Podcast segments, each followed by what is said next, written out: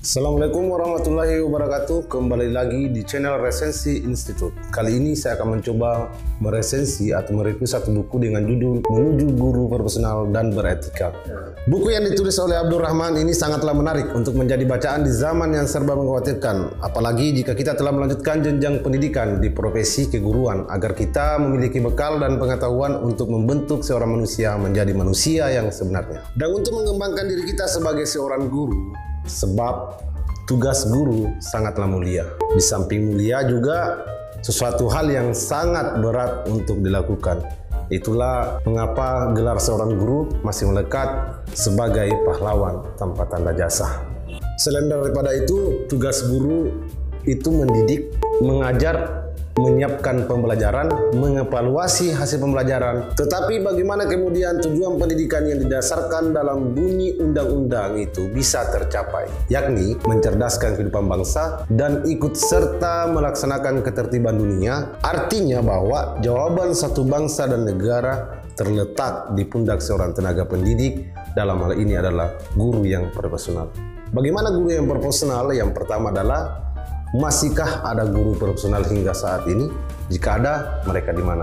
Dan bagaimana cara mendidik mereka? Guru profesional adalah guru yang mampu mengembangkan dirinya secara terus-menerus dan merelevasikan dirinya sesuai perkembangan zaman. Dan terus-menerus melahirkan gagasan-gagasan baru agar mengembangkan pengetahuannya semakin berkembang dan mampu menjadi agen perubahan bagi tenaga pendidik-pendidik yang lain. Sebab itu, menjalankan kurikulum pendidikan saat ini tentunya dibutuhkan guru-guru yang memiliki kualitas tinggi dalam segala bidang agar pengembangan proses pembelajaran dapat berjalan dengan baik dan terarah sebagaimana tujuan dari Undang-Undang Dasar tahun 1945 yakni mencerdaskan kehidupan bangsa dari segala aspek pengembangan kepribadian seorang guru agar membentuk karakteristik siswa-siswi yang beradab, bermoral, dan beretika. Semua itu tidak lepas dari guru-guru yang personal dan beretika pula. Inilah kemudian mengapa gelar guru tidak bisa ditempatkan di sembarang orang sebab guru adalah jawaban masa depan kemanusiaan. Ketika guru hari ini gagal membentuk kemanusiaan,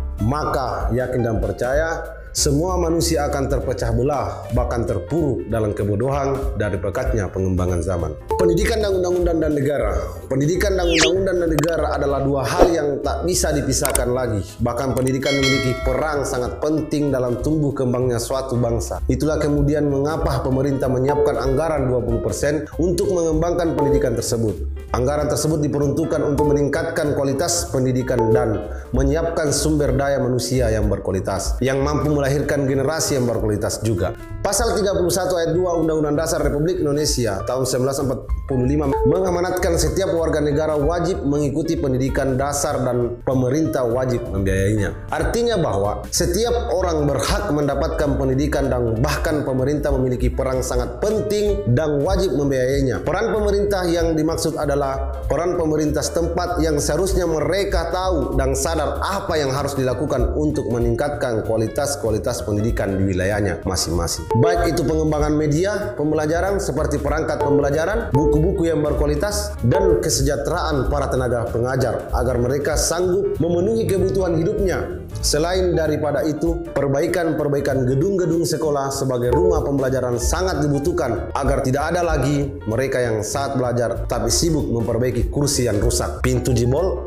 ruang kelas sempit dan panas dan guru harus rela menyeberangi sungai demi perjuangan demi memperbaiki generasi bangsa untuk ke depannya. Inilah yang perlu menjadi pusat perhatian pemerintah agar keberlangsungan pendidikan itu terus berjalan dan kesejahteraan seorang guru itu terjawab. Tugas dan tanggung jawab guru. Melalui pendekatan Al-Quran, penulis mencoba menjawab tugas dan tanggung jawab guru dalam pendidikan Islam, di mana guru setidaknya memiliki pahaman untuk membentuk seorang peserta didik yang memiliki spiritual tinggi yang tentunya disebabkan oleh guru-guru yang memiliki wawasan tinggi terhadap nilai keagamaan Meskipun Al-Quran tidak menjelaskan secara tegas tentang pendidikan, setidaknya memberikan gambaran terhadap pentingnya pendidikan tersebut. Misalnya ayat tentang lindungilah keluargamu dari api neraka. Surah Al-Zariyah ayat 66. Ayat ini sangat lantang menyeruhkan betapa pentingnya pendidikan yang dilakukan dalam setiap lingkup baik keluarga, kerabat, saudara, bahkan kepada teman-teman terdekat agar kesadaran itu muncul. Bahkan para rasul pun memerintahkan umatnya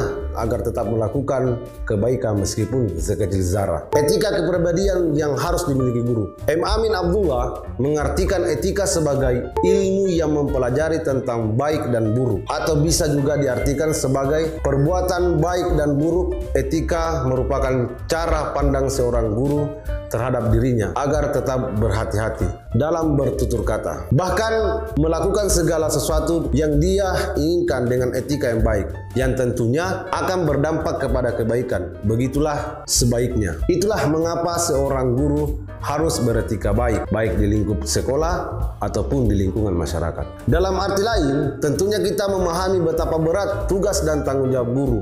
Sebab selain daripada memanusiakan orang lain, guru juga harus memanusiakan dirinya agar terbentuk dan melahirkan suatu generasi yang diharapkan. Karena pentingnya tugas dan tanggung jawab yang diamanahkan kepada guru dalam mengantarkan peserta didiknya agar berhasil sebagaimana yang diharapkan, maka guru perlu memiliki etika kepribadian atau kode etik. Di antaranya yang pertama tentunya ilmu, yang kedua kesehatan jasmani, dan yang ketiga berkelakuan baik.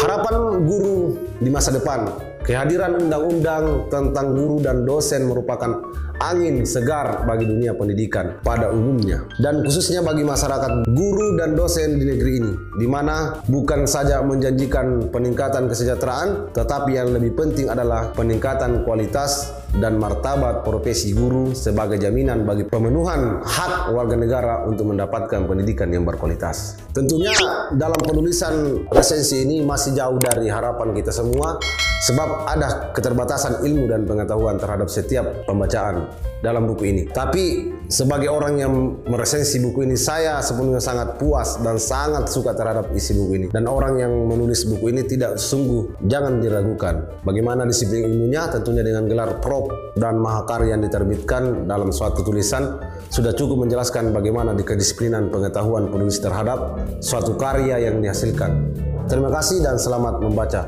Ada pertanyaan?